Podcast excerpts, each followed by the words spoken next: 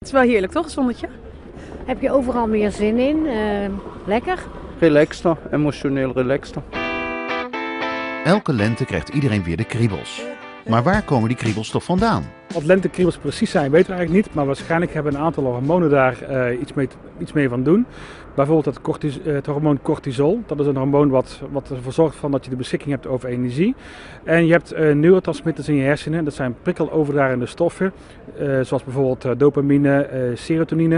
En dat zijn stoffen die zorgen voor bijvoorbeeld stemming en gevoel en reactiesnelheid en concentratie en dat soort dingen. We krijgen het hele jaar door die stoffen binnen.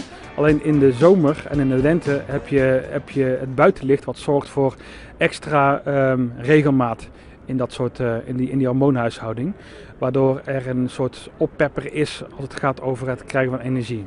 Ja, het zonnetje en dan zien we al die plantjes. Denk je, oh leuk, tuintje weer, alles gaat weer beginnen. Verliefd ben ik niet, dus die kriebels heb ik niet, maar uh, misschien komt het nog.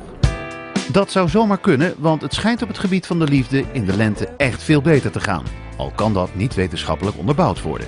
Wat we wel weten natuurlijk is van dat je in het voorjaar, zoals ik al zei, uh, meer mensen tegenkomt. En dan is de kans uiteraard dat je daar ooit een keer seks mee krijgt ook groter. Dat zou kunnen. Volgens mij is het ook in de herfst. Want dan ga je de winter in en dan uh, kan je iemand lekker mee de koffer innemen.